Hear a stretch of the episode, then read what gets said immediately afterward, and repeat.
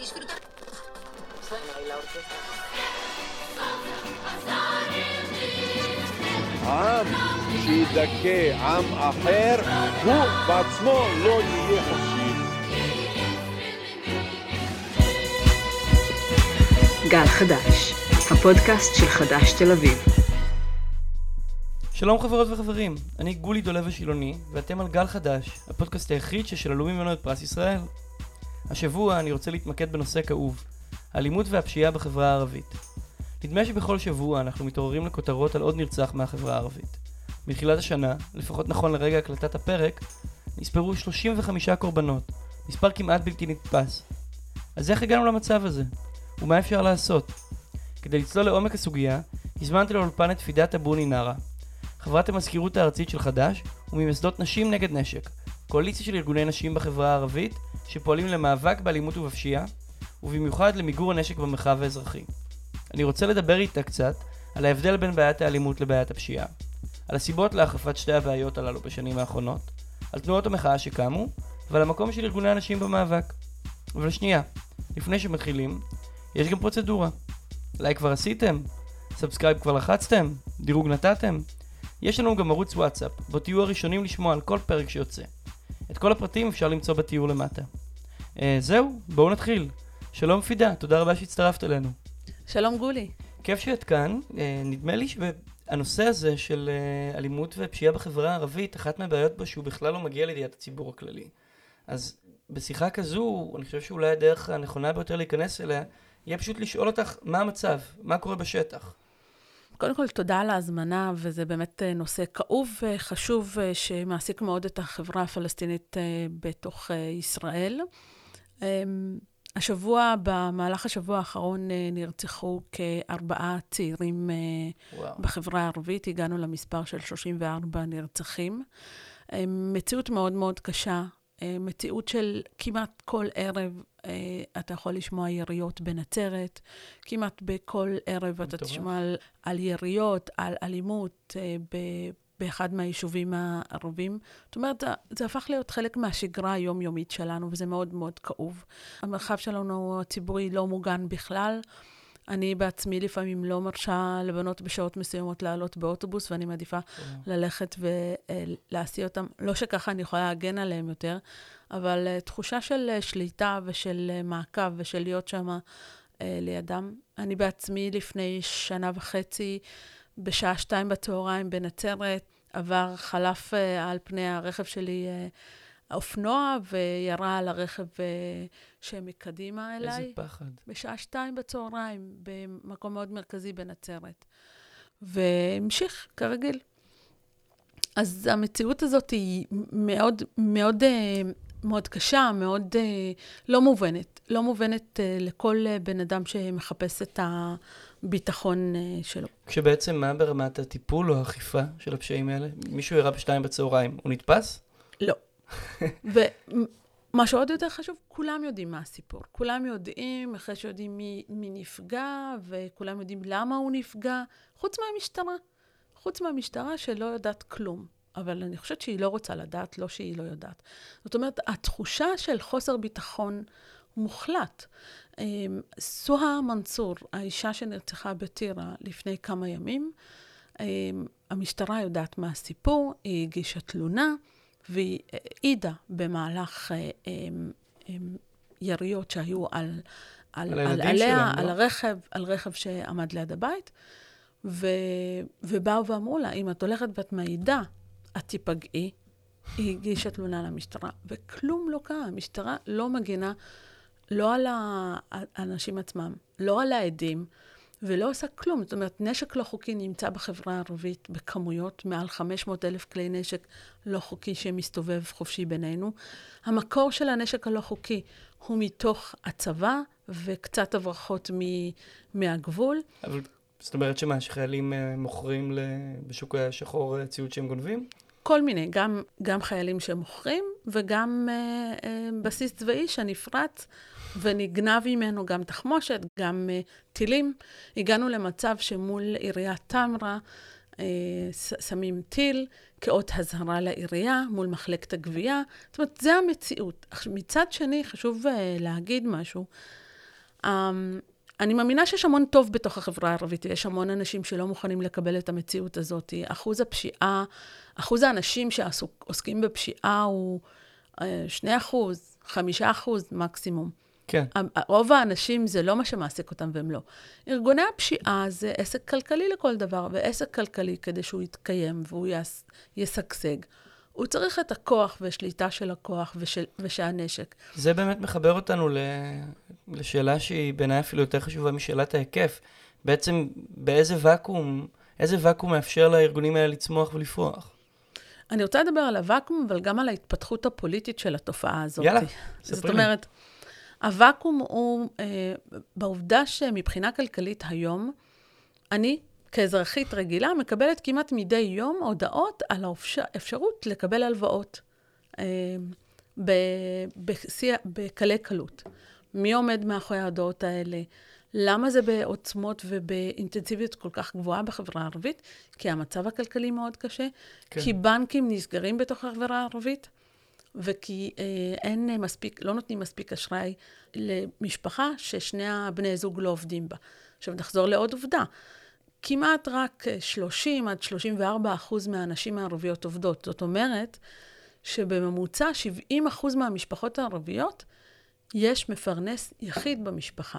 וכשיש לך מפרנס יחיד במשפחה, האפשרות לקבל אשראי מהבנק היא אפשרות מאוד נמוכה. מה שמעיק על משפחה להתפתח, לקנות בית, כן. להתקדם. אז המצב... ואז פונים לאשראי חוץ-בנקאי. ואז פונים לאשראי חוץ-בנקאי, שחלקו מגיע דרך ההודעות וחלקו אה, אה, מגיע דרך השוק השחור בתוך החברה הערבית, שמאוד משגשג. זה, זה דבר שהוא מאוד קשור לנושא הזה של ההתפתחות של, אה, של ארגוני הפשיעה בתוך החברה הערבית. מה שקרה שאחרי אירועי אוקטובר 2000 ואחרי האינתיפאדה השנייה, מה שקרה בתוך החברה הערבית ולאור הדיונים בתוך ועדת אור. ועדת אור, נגיד שזו הוועדה שקמה בעקבות אירועי אוקטובר. בעקבות אירועי אוקטובר, שהייתה אמורה לחקור את מה שקרה ולהוציא גם uh, החלטות כן. אף אחד לא, לא שילם את המחיר על uh, 13 הצעירים שנהרגו בהפגנות של אירועי אוקטובר, ובעצם הוחלט לפתוח תחנות משטרה, אבל המשטרה לא באמת פעלה בתוך הכפרים הערבים, ונהיה שטח הפקר. אז השטח הפקר מתחיל משנת uh, 2000, וגם זה נקודת מפנה מאוד חשובה. ההתפתחות הפוליטית של החברה הערבית והחיזוק הזהות הפלסטינית של הצעירים הייתה החלטה, זה לא טוב למדינה. לא טוב למדינה מודעות פוליטית, לא טוב כן. למדינה חיבור לעם הפלסטיני ולמאבק של העם הפלסטיני נגד הכיבוש, וצריך לדאוג שאנשים יפנו למקומות אחרים. ופה בעצם עם הכניסה, החלטה של ה-OECD, ושצריך לפתח כלכלית את החברה הערבית. מתוך מתחיל... ניסיון להשקיט, זאת אומרת, לתת איזשהו פיתוח אה, כלכלי מסוים כדי להשקיט את הדרישות הלאומיות קולקטיביות. בדיוק, בדיוק. אבל במקביל קורה עוד משהו. הפשיעה בשנים האלה מאוד מאוד אה, אה, עולה. אחוזי הפשיעה עולים בתוך הערים היהודיות, נתניה, נהריה, בת כן. ים, ומגיעה החלטה ממשלתית ב-2003 למגר ו- ולנקות את הערים האלה מארגוני הפשיעה. והחלטה ממשלתית, לא היה צריך ועדות, לא היה צריך uh, שנים של מחשבות, החלטה ממשלתית, תקציבים, ותחילת פעולה. והפעולה התמקדה ב... וזה עבד? וזה עבד. אני זוכרת את השנים האלה וזוכרת את המסך של הטלוויזיה, של רכבים שמתפוצצים באמצע העיר נתניה, בגלל חיסול חשבונות בין ארגוני הפשיעה, שחלק ממי שמשלם את המחיר זה תושבות ותושבים רגילים כן. בעיר נתניה. וזה שנים מאוד מאוד קשות, אבל מהר מאוד מצליחים לתפוס את הקודקודים, להכניס אותם לכלא, לטפל בצעירים וצעירות, בתעסוקה ובפיתוח אה, העיר מבחינה נדל"נית, ובעצם היום אפשר לראות כנתניה כעיר שכמעט ואין בה פשיעה. וברגע שבתוך אה, המרחב שלנו, אם מפנים את ארגוני הפשיעה ומנקים ערים יהודיות, אין ואקום, הם צריכים למצוא מקום. המשטרה מנקה עיר יהודית, אבל היא לא נכנסת בכלל לערים הערביות. וככה בעצם ארגוני הפשיעה ממשיכים לעסוק, אבל דרך אה, הערים הערביות והכפרים הערבים. בהתחלה זה רק במשולש. לפני עשר שנים כמעט ולא שמענו על רצח ועל פשיעה בצפון. בהתחלה זה מגיע למשולש, ולאט לאט זה גם מתפרס... למה דווקא למשולש? או שסתם כי זה היה נוח? קרבה גיאוגרפית, אה, אה, מרכז אה, בין צפון ודרום. כן. וסביר. שזה יותר נוח גם לעסקים. הדבר האחרון שאני רוצה להגיד על עוד תוכנית ממשלתית שמאוד מצליחה, זה ב-2008. העיר לוד מתרוקנת כמעט מהתושבים היהודים, ובגלל פשיעה ואלימות, והמצב לא היה טוב בעיר. ואז עוד פעם החלטה ממשלתית מגיעה. לחזק את העיר דרך כניסה של uh, תושבים יהודים, אם זה כפר הסטודנטים שנבנה שם, אם זה uh, כניסה של הציונות הדתית הגרעין בעצם, התורני בלוד. הגרעין התורני בלוד, וככה גם מושקע כסף ובנייה וחינוך ו- והטבות לסטודנטים שיגורו שם. זאת אומרת, יש החלטה לנקות את העיר ולחזק את העיר, וזה, וזה מצליח. אחוז הפשיעה יורד יחסית בלוד, כמובן לא בשכונות הערביות, אלא בשכונות היהודיות.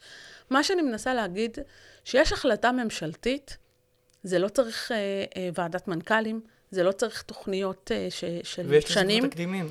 ויש, בדיוק, ויש לזה- יש לזה כבר תקדימים, צריך תקציב והחלטה פוליטית שמנקים את הפשיעה מתוך החברה הערבית. ואחד הדברים שעזרו להתפתחות הפשיעה והאלימות בחברה הערבית, זה שאין החלטה פוליטית, אלא להפך, כנראה יש החלטה פוליטית לאפשר עסקים כרגיל לארגוני הפשיעה, כל עוד אפשר, כל עוד זה לא פוגע כל עוד זה על ביהודים. גבם של הערבים. כל עוד זה ערבי מול ערבי, אין מה להפסיד. זאת אומרת, וזה מאוד חשוב לראות את זה עכשיו. ב- ב- עם השנים, מה שקורה גם, שהיום במציאות של החברה הערבית, בין אה, אה, גיל 18 לגיל 23, כמעט 40 אחוז מהצעירים הם ללא שום מעשה. לא עובדים ולא לומדים. ככה שבעצם ארגון פשיעה הופך להיות חממה ובית לצעיר שלא מוצא עבודה, וגם לא סיים בית. ספר ולא יכול להתפרנס, וגם אין לו סיכוי להיכנס לאוניברסיטה. זאת אומרת, ואז זה חממה. חממה, ב, ב, בוא תעבוד, תעביר את זה, את זה מפה לפה, או תהיה, תהיה איתנו בעסקים, ותוכל אה, להתפתח ולהתקדם. אני אגיד לך למה זה בעיניי כל כך חשוב לשמוע על התנאים החברתיים והכלכליים שבתוכם התופעה הזאת אה, מתרחשת, כי יש טענה שכמובן אה, מי שמפיצים אותה זה החלקים הגזעניים ביותר בימין, אבל היא מהדהדת לצערי גם במעגלים הרבה יותר רחבים מזה, שהפשיעה בחברה הערבית היא עניין תרבותי. שערבים אה, יורים ואת יודעת, יורים ופושעים כי הם ערבים, וזה עניין, יש פה גם איזו תפיסה דטרמיניסטית מסוימת שאומרת שאין כל כך מה לעשות עם זה. עכשיו, לא רק שזה שגוי ופסול ערכית, זה, גם לא נכון היסטורית. זאת אומרת, אם משווים את שיעורי הפשיעה אה, בכפרים ובערים במשולש, בצפון, בעשר שנים האחרונות, לעומת מה שלפני 30 שנה או 20 שנה, אנחנו רואים שזה פשוט... אה, בוא נגיד, זה לא שהערבים תמיד היו ככה, זה שאנחנו, אנחנו כמדינה, בעקבות מחדל ארוך שנים, הובלנו למצב הזה. אה, קודם כל, זה לא רק מחדל, זה גם מדיניות מופנית ו- ו- ו- ודואגת לזה שהעסקים ימשיכו לעבוד כרגיל. זאת אומרת, פושעים לא נכנסים, אנשים מגישים תלונות, רוצחים מסתובבים חופשי שעל בינינו. הדרך מתלבשת הגזענות שמצדיקה את זה, מתוך איזה... כמובן, אבל אני רוצה רגע לחזור לגזענות הזאת. אפילו אם אתה לא מסתכל עשר שנים אחורה, אם אתה מסתכל היום על העם הפלסטיני בגדה, ועל העם הפלסטיני בתוך, uh, המיעוט הפלסטיני בתוך, שזה אותו עם, אותו תרבות, כן. אותו מנטליות, אחוז הפשיעה הוא מאוד מאוד uh, נמוך. זאת אומרת, לכל מיליון פלסטיני בשטחים, זה מטורף. אחוז ה... בכלל לא חושב... שוב פעם, בדימוי הישראלי הרקוב, כשאצלנו יש ראש ממשלה שעוקץ לעצמו צוללות, אנחנו חושבים על הרשות הפלסטינית בתור גוף מושחת וזה, אבל בעצם ברשות הפלסטינית יש הרבה יותר ביטחון אישי מאשר בכפרים הפלסטיניים כאן. ונשק לא חסר שם, חשוב להגיד. זאת אומרת, נשק גם נמצא בתוך המרחב הזה. אבל ברגע ש... נתון ש- היסטרי. המדינה פשוט הפקירה את החברה הפלסטינית בתוך ישראל, מתוך מדיניות מובנית לחל... להחליש אותנו, לפורר אותנו, להרחיק אותנו משאלות פוליטיות, ול... ו... ובעיקר להתעסק בבעיות של עצמנו. עכשיו, זה קשור לעוד כמה דברים. דיברנו על עוני, דיברנו על תלות בבנקים ואין אשראי בתוך החברה הערבית, דיברנו על צעירים, אבל חשוב גם לדבר על צפיפות ובנייה והריסות בתים בחברה הערבית. זו עוד בעיה שאני רואה אותה מאוד קשורה לפשיעה בתוך החברה הערבית זה גם מקום ולאלימות. להזכיר את הנגב, שעוד לא שרטטנו. וכמובן, ואת הנגב. זאת אומרת, כשאתה חי במרחב ואתה בונה בית ואתה לא בטוח, אין לך, אתה לא בטוח שקודם כל שזה נשאר, אתה בונה בית המון פעמים על האדמות שלך, אבל הוא בית לא, לא חוקי, בס- ב- ב- ב- בגרשיים אני כי אשים אין את זה. תוכנית מתאר. כי אין תוכנית מתאר. למה אין תוכנית מתאר? כי יש מדיניות שלא להרחיב את היישובים הערביים. יש מדיניות, בעצם מאז 48' עד היום, לא נבנה אף יישוב ערבי אחד חדש, חוץ מרהט רהט. והיישובים בנגב, מתוך אה, אה, איסוף של, של זה היה לא כמה מתוך ניסיון. לבנות יישובים, זה היה מתוך ניסיון להרוס דווקא אה, להרוס. התיישבויות ו- אה, בדואיות. בדיוק, בדיוק. אז, אז, אז לשאלתך, לא, זה לא התרבות שלנו, זה לא חלק מהתרבות שלנו, זה לא חלק מהמנטליות שלנו. ואם אנחנו משווים את זה לעם הפלסטיני בתוך השטחים, לכל מיליון פלסטיני יש כמעט 11 מקרי רצח על רקע פלילי, לכל מיליון פלסטיני בתוך ישראל, הממוצע הוא 56 בני אדם. פי יותר מחמש. פי יותר מחמש. עכשיו, אפשר, זה באמת מטורף. מצחיק, אבל זה כואב מאוד. זה כואב מאוד. והעובדה שאתה יודע שאתה יכול לאבד ילד, או לאבד מישהו, וגם הרוצח מסתובב חופשי, זה עוד יותר כואב. זאת אומרת, יש את הכאב של לאבד מישהו, ויש את הכאב של לחיות במציאות, ששום דבר לא יקרה, ו- ואף אחד לא יפתור את הבעיה, ואותו רוצח מסתובב חופשי. יש את העובדה כן. שגם אם אתה פונה, עכשיו, אני רוצה גם רגע לחזור ולחבר את זה לנתניה, שהמדינה החליטה לנקות את הערים היהודיות מפשיעה, היא לא באה ואמרה, בואו תשתפו פעולה איתי כתושבים וכאזרחים. היא החליטה. משטרה, מה המשטרה צריכה לעשות? בלוד לדעתי אפילו הייתה ועדה קרואה, לא אפילו... משרד הפנים ניהל את העניין, בלי... ב- בלי שום... בלי דמוקרטיה, בלי בלי כלום. דמוקרטיה, בלי לשאול. ומה באים ואומרים על החברה הערבית? החברה הערבית לא משתפת פעולה עם המשטרה. אני רוצה להביא לך נתון, דוגמה. לא, אבל זה נכון, לא רלוונטי, כאילו, צריך לשתף זה פעולה עם קודם המשטרה, כל לא המשטרה צריכה להגיע. רלוונטי, אבל גם כשמשתפים פעולה וגם כשהולכים ומגישים תלונה, שום דבר לא מה קורה. הנתון? ב- בין השנים 2017 לבין השנים 2019, בשנים שנפתחה תחנת המשטרה באום אל-פחם, הוגשו 500 תלונות על ירי ועל פשיעה בתוך אום אל-פחם. כמה תיקים אה, אה, נפתחו והוגשו כתבי אישום? 300? שש. זה נתון שאומר לנו המון. למה יש הפגנות היום באופן שבועי ו- ו- ופעילות נגד תחנת המשטרה ונגד התפקוד של תחנת המשטרה ונגד ההתבטאויות הגזעניות של אה, מפכ"ל, של המפכ"ל באזור? גם המפכ"ל, גם הניצבים, יש מספיק גזענות לכולם. בדיוק. בגלל ההתבטאויות הגזעניות, שזה חלק מהתרבות שלנו, שחלק... עכשיו, יש הבדל בין אלימות ובין פשיעה. פשיעה זה... זהו, זה מה ש... זה, זה נקודה שחשוב להתעכב עליה, כי אנחנו מדברים פה בדוגמאות על, על נקודת הקיצון הכי כואבת, שהיא כמובן רצח, ורצח הרבה פעמים גם של חפים מפשע, ושל נשים ושל ילדים, אבל הטווח הזה שמוביל עד לנקודה של רצח הוא הרבה יותר גדול. זה מתחיל בפרוטקשן, זה מתחיל ב, ב, בסחר לא חוקי. כאילו, אולי תוכלי לעשות קצת סדר במה ההיקפים של הדברים האלה, ומה ההבדל בין אלימות לפשיעה. Um, כמו שאמרנו, נגיד, אם מסתכלים על 2020, שנת קורונה, רובנו סגורים בבתים ברוב הזמן של השנה. Uh, השיא של מספר הנרצחים על uh, רקע הפלילי בחברה הערבית מגיע ל-113 נרצחים. וכשאנחנו מדברים מטורף. ממש מטורף. אם אנחנו מדברים על, והרוב הגדול של זה זה בנשק אה, חם, ולא בנשק, זאת אומרת, נשק חם הוא כבר קיים כדי לפגוע. אה, היום מאוד קל לצעירים להשיג נשק, גם, אה, גם להגיע למקור וגם לקנות את זה, זה לא, יש סכומים שהם באמת, כל אחד יכול לקנות את זה. אני שומעת המון סיפורים מצעירים. אתה יודע, ישבתי לפני חצי שנה עם קבוצה של צעירים, שהם מאוד גם פעילים, אה, ומשכונות שונות בנצרת. ואמרתי, אני עושה עכשיו סבב ואני שואלת, צעירים, אני מדברת על בני 16 עד 18, ושאלתי אותם, מי ראה... תיכוניסטים, כאילו. תיכוניסטים. מי ראה בעיניים שלו כלי נשק? כולם? כולם. כולם. של שכן שאמר לו, בוא, אני אעזור, אני אלמד אותך איך אתה יכול לירות באוויר. של אח של חבר שיש לו אה, כלי נשק. אני לא מדברת על נשק של שוטר שהיה. כן. בזה, אני מדברת על נשק לא חוקי של פשיעה. זאת אומרת, היו שם חמישה צעירים במפגש כזה של חברים, כן? לא של חברים של, ה... של, של הילדה שלי. זה אומר המון על כמה נשק בעצם נמצא בכל מקום. ונשק חם שנמצא בכל מקום, למה מחזיקים נשק? כי רוצים לפגוע. ולמה רוצים לפגוע? כי במקום מסוים רוצים לנהל עסקים כמו שצ... כרגיל, עסקים של, אה, של, אה, אה, של ארגוני הפשיעה, שבעיקר מדברים על כוח, על טריטוריה על, על, ועל כסף. וזה, וזה לרוב מביא אותי גם למה, למה אני חושבת, אנחנו כנשים, הצעקה הכי חזקה תבוא מאיתנו. רוב האנשים שעסוקים בנושא הזה, שעוסקים בנשק ומחזיקים נשק ומנהלים ארגוני פשיעה, הם גברים. והישועה כנראה לא תבוא אה, רק מהם. אז אולי רגע לפני שנדבר על, אה, על איך הישועה תגיע, אולי הגיע הזמן לשאלה הקבועה שלנו? מה החוק הראשון שהיית מעבירה אם היית ראש הממשלה? חוק הלאום. זאת אומרת, זה בסיס לכל דבר, כל עוד יש פה שוויון ו- ו- וצדק בבסיס. בבסיס אנחנו לא נוכל לשנות פה את המציאות.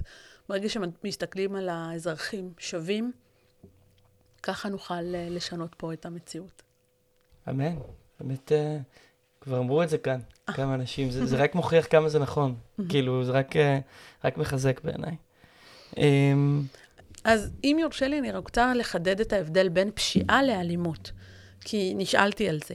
כן. אז פשיעה וארגוני פשיעה זה עסקים.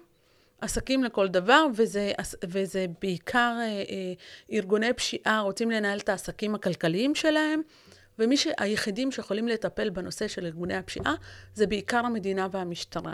כמו שיש רופא שמטפל בבריאות שלנו, כמו שיש מורה שמטפל ב, בחינוך שלנו, משטרה צריכה לטפל בביטחון שלנו. זה הכי בסיסי בהגדרה של מדינה, שמדינה צריכה להיות לה מונופול על אלימות. בדיוק, לכן אני חושבת שבנושא של ארגוני הפשיעה, לא באמת צריך תוכניות וועדת מנכ"לים וכל זה. צריך משטרה שתעשה את העבודה. וגם לא צריך עוד מבנים של אה, תחנות משטרה. צריך חוקרים שיעשו את העבודה, צריך כלים אה, מקצועיים שיוכלו למצוא את הפושעים ואת הרוצחים ולהכניס לכלא. בנושא של אלימות, הפתרון של הבעיה הוא הרבה יותר רחב. פה נכנס הנושא של תשתיות. ובנייה בתוך החברה הערבית ומרחבים ירוקים בתוך הערים הערביות. פה נכנס הנושא של חינוך, נכנס החינוך, הנושא של חינוך בלתי פורמלי, וכמה שיותר, אה, ונושא ההסללה של צעירים וצעירות בחברה הערבית כן. לאוניברסיטאות, ללימודים. לעבודה, ופה נכנס גם האחריות של המדינה לאזורי תעשייה ולתעסוקה אה, בתוך ה... בפריפריה ובתוך החברה הערבית ה... כאילו בפריפריה וגם במרכז. זאת אומרת, הבעיה, הפתרון של הבעיה הוא הרבה יותר הוליסטי לטעמי, בגלל שהסיבות שאנשים משתמשים באלימות לפעמים הן סיבות חברתיות ונפשיות ו- וכלכליות ו- ועוד כל מיני סיבות. זאת אומרת, ודפוסי התנהגות. אבל פשיעה זה אחריות של המשטרה, נקודה. תאר לעצמך שאם לא את כל הנשק הזה הלא חוקי בחברה הערבית, כמה מקרי רצח נשמע עליהם? בשנה, סביר להניח, סביר להניח הרבה פחות. ואם לא היה יכולת לנהל עסקים כרגיל לארגוני הפשיעה, אז כנראה גם את זה הם לא ימשיכו לעשות. את שוב ושוב אומרת ארגוני פשיעה, ושוב ושוב שומעים בתקשורת כאמור מאנשים שאנחנו רחוקים להסכים איתם את, המספ... את המונח משפחות פשע, שבו מדברים על זה. אולי שווה לשאול למה צריך להתעקש לדבר על ארגונים ולא על משפחות. מה ההבדל בין שני המונחים האלה? ארגון אה, זה עסק שמתנהל לכל דבר. אין, אני לא מסכימה שמשפחה שלמה היא חלק מארגון פשיעה. זה לא נכון. יש אה, אנשים שהם לא חלק מההובלה, הניהול והפעלה של העסקים. יש גם ארגונים שהם הרבה יותר גדולים ממשפחות, לא? כמובן, יש... יש גם לכיוון השני. יש גם ארגונים שהם יותר גדולים ממשפחות, אבל, אבל זה, זה אנשים...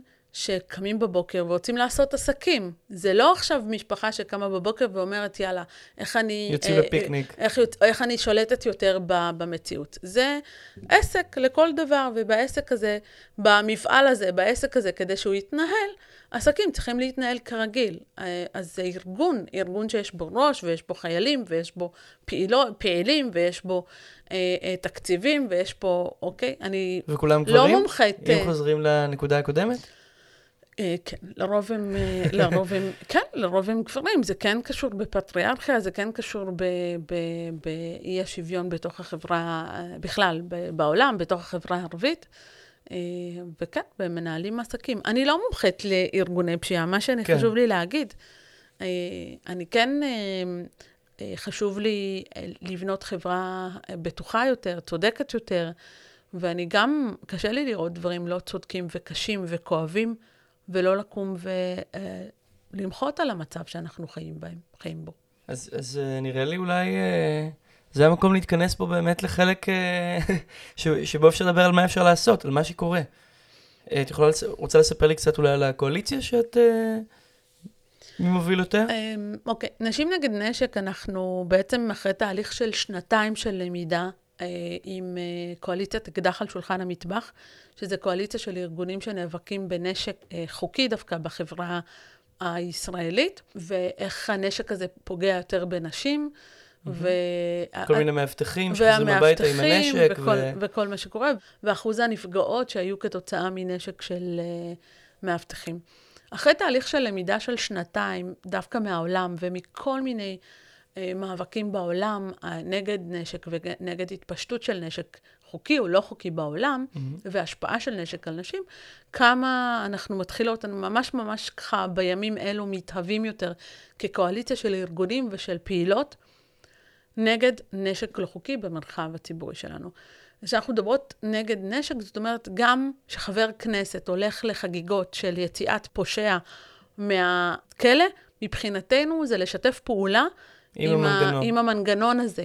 גם שהולכים ו, ומעידים בבית משפט לטובת אה, סוחר אה, נשק, שכמה הוא אה, אדם אה, אה, מכובד בכפר, זה מבחינתנו לשתף פעולה עם המנגנון.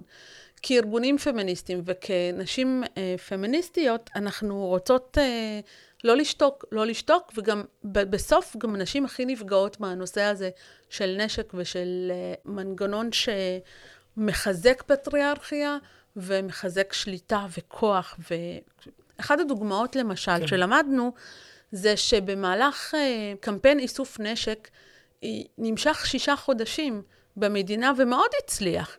פה בישראל, הקמפיין הכי, הכי ארוך שהיה, שבועיים. זאת אומרת, זה לא באמת היה קמפיין שרצה באמת לאסוף את הנשק, אלא לעשות, להגיד וי... להגיד שניסינו. הנה, ניסינו. ולכן, אז, אז זה לגבי הקואליציה, אבל יש פה, קורים פה המון דברים והמון דברים חשובים שצריך להזכיר אותם פה. ההפגנות, אה, הפגנות שגם חלק מהן היו יזומות על ידי ועדת המעקב, וחלקן פרצו מצעירות וצעירים ו, כן. ותנועות למיניהם. זה התחיל במג'ד אל-כרום. אני הייתי לא מזמן, רגע לפני הבחירות, בהפגנה באום אל-פחם, באמת היה מטורף לראות את הדברים הולכים שם. מטורף ומרגש ונותן כוח ותקווה. וגם קבוצות כל כך שונות uh, שהגיעו לשם. והצליחו להתאחד תחת uh, קורת גג אחת שנקראת החיראק אל-פחמאווי אל-מוחד, זאת אומרת, הכוח הזה של התנועה של צעירות וצעירים, שדרך אגב, לא, לא מסכימים כולם על אותו דבר, אבל הם מסכימים על זה שהזכות שלנו לביטחון אישי. אז גם מג'ד אל-כרום, גם אום אל-פחם, גם בג'לג'וליה, גם ב... אה, בנצרת אני הייתי חלק מהקמת אה, ועדה מקומית שנאבקה בעצם על, על הנושא של פשיעה והתפשטות פשיעה בתוך החברה הערבית, אחרי הרצח של זהר, והיה הצלחות, עובדה שהפושע נתפס, כן. והוא עומד לדין. אני חושבת שמאבק עממי מאוד קשור למיגור אה, תופעת האלימות ולדרישה זכויות של, שלנו כעם. דבר שני מאוד חשוב זה, אני מרגישה בהתארגנויות העממיות וה, והתנועה הזאת, זה משהו שמחזיר את התקווה ואת האחריות אלינו. גם פורום המשפחות... במובן של שליטה על, שליטה על הגורל. שליטה על הגורל, גם פורום המשפחות השכולות. אם פעם היה ממש משפחות פחדו לדבר, היום היוזמה הזאת היא מאוד חשובה והיא מאוד מרכזית, וזה הקול הזה של האימהות, של הנשים, של האחיות, של הבנות זוג, ש, שצועקות בקול אה, אה, אה, גבוה וברור וחד. אה, נגד פשיעה הוא מאוד מרכזי בתוך המאבק הזה. ברגע שבעצם חסמנו את כביש 6, אחרי ההפגנה הגדולה במג'ד אל-כרום, אז בעצם הייתה הודעה, בואו נקים את ועדת המנכ"לים ונחליט איך ממגרים את התופעה.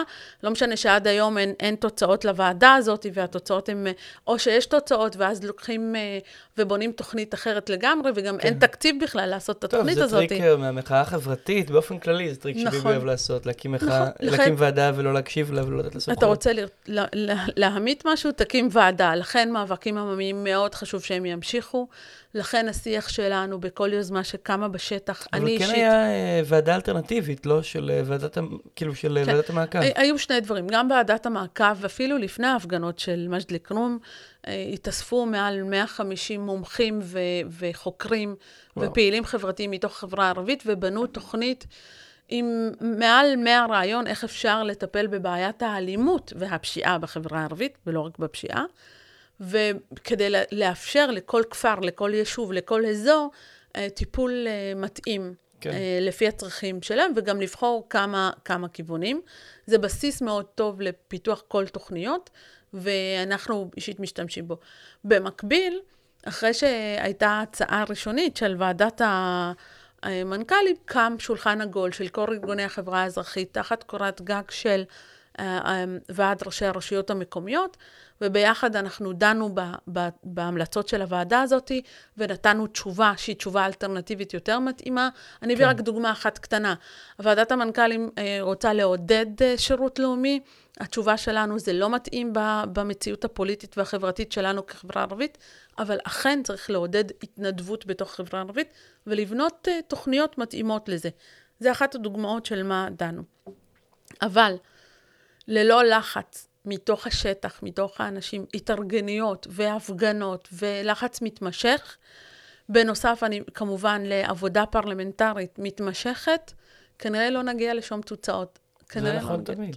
נכון. אני, אני חושב שאנחנו כבר מתקרבים לסיום. לקראת זה אני רוצה לשאול אותך שאלה, אה, שהאמת אה, ראיינו פה כל מיני אנשים, כל מיני מאבקים, כל מיני איגודי עובדים, וכולם נדרשו לרמה מסוימת של אומץ. אבל אף אחד מהם, אה, אם להשתמש במילים הכי בוטות, לא פחד על החיים שלו. זאת אומרת, הסכנה שמדברים עליה כאן היא הסכנה ה- הקיומית הכי בסיסית. ואת יודעת, לארגוני הפשיעה יש הרבה מאוד uh, מה להפסיד. איך בעצם מוציאים אנשים להפגין נגד אה, ארגוני פשע שמשתוללים בערים שלהם? איך את לא מפחדת, או שאולי את כן? קודם כל, גם כשאני מפחדת, הפחד מתניע אותי לפעולה. לצאת לפעולה. אה, אתה יודע, כשאתה לבד, אז הסיכוי שתפחד הוא יותר, אבל כשאנחנו כוח וקבוצה, אז הסיכוי שהפחד אה, נעלם, כי אתה מקבל, אתה דיברת על הכוח שהרגשת בהפגנה של אום אל-פחם, כן. וזה הכוח שאתה מקבל מהפגנות. אה, זאת זכות בסיסית, זה, אם אנחנו מפחדים, אז גם לא היינו יוצאים להפגנות נגד הכיבוש, וגם לא היינו יוצאים לפעולה נגד כל סוג של דיכוי, או נגד כל סוג של אי שוויון בחברה שלנו. אז פחד מבחינתי שווה פעולה, ופחד מבחינתי זה לצאת ולעבוד אה, ביחד ולעסוק ביחד. כן, זה לא, זה לא קל, אבל גם המון, גם כפעילה פמיניסטית שהתחלנו להפגין נגד רצח נשים, שזה כמובן קשור באופן, ה- קשור לא לפשיעה, אבל לאלימות. לאלימות, אז גם אז אה, קיבלנו אה, אה, כל מיני אה, אה, ביקורת ו, ו, ו, ונאמר עלינו דברים, וגם לפעמים זה הגיע לאלימות מילולית, שהופנה, שהופנתה עלינו בת, במהלך ההפגנות. אז, וזה לא, וזה לא עצר אותנו, להפך, זה, זה מתניע את כולנו. ואני חושבת שיש פה מספיק כוח גם בתוך החברה הערבית וגם בתוך החברה הפלסטינית, כאילו בישראל, וגם בתוך החברה המשותפת, להיאבק בצורך הכי בסיסי של ביטחון ושל אה, חיים אה, בטוחים בתוך הכפרים והערים זהו, זה הערביות. אפילו לא חיים טובים, זה אפילו לא חיים אה, נעימים. בטוחים. פשוט חיים. חיים, בדיוק, חיים. אמ, ואני בוחרת אה, לראות את התקווה, כאילו גם בתוך המצב המאוד מאוד מאוד קשה הזה, זה שיוצאים ומפגינים וממשיכים במאבק, מבחינתי זה תקווה ו... ואחריות על המציאות שאנחנו חיים בה. מדהים. אז האמת, אה, נראה לי שעם המילים החזקות האלה פשוט נסיים. תודה. אז uh, תודה רבה לך, פידה. תודה על השיחה הכואבת הזאת. Um, חשוב לנו להגיד בסיכום, שהרבה פעמים כשמדברים בתקשורת, אם בכלל מדברים על הפשיעה בחברה הערבית, ממסגרים את זה בצורה גזענית ושגויה. כאילו שלערבים יש איזו תרבות אלימה, ולכן אין אפשרות להתמודד עם הפשיעה והאלימות. Uh, אבל כמובן, כפי שמענו היום, uh, זה חרטא. לא רק שזה חרטא, זה גם חרטא שמשרת כוחות מאוד מסוימים. הפשיעה והאלימות הן לא גזירות שמיים, יש להן הקשר חברתי-כלכלי, יש להן קונטקסט פוליטי ו- ו- ולאומי, והכי חשוב, יש להן פתרונות. בסופו של דבר, אלו תופעות שעושות חיים וקורות משפחות, ויש לנו את הכלים להילחם בהן. אנחנו חייבים להמשיך להיאבק, אנחנו חייבות להמשיך לדרוש, ואנחנו לא נפסיק להילחם על הביטחון האישי שלנו. עד כאן להיום גל חדש, הפודקאסט הכי מהפכני בביצה. חוסמות את כביש 6? מיואשים מאמיר אוחנה? תכתבו לנו. אנחנו בכל מקום שאפשר להיות בו.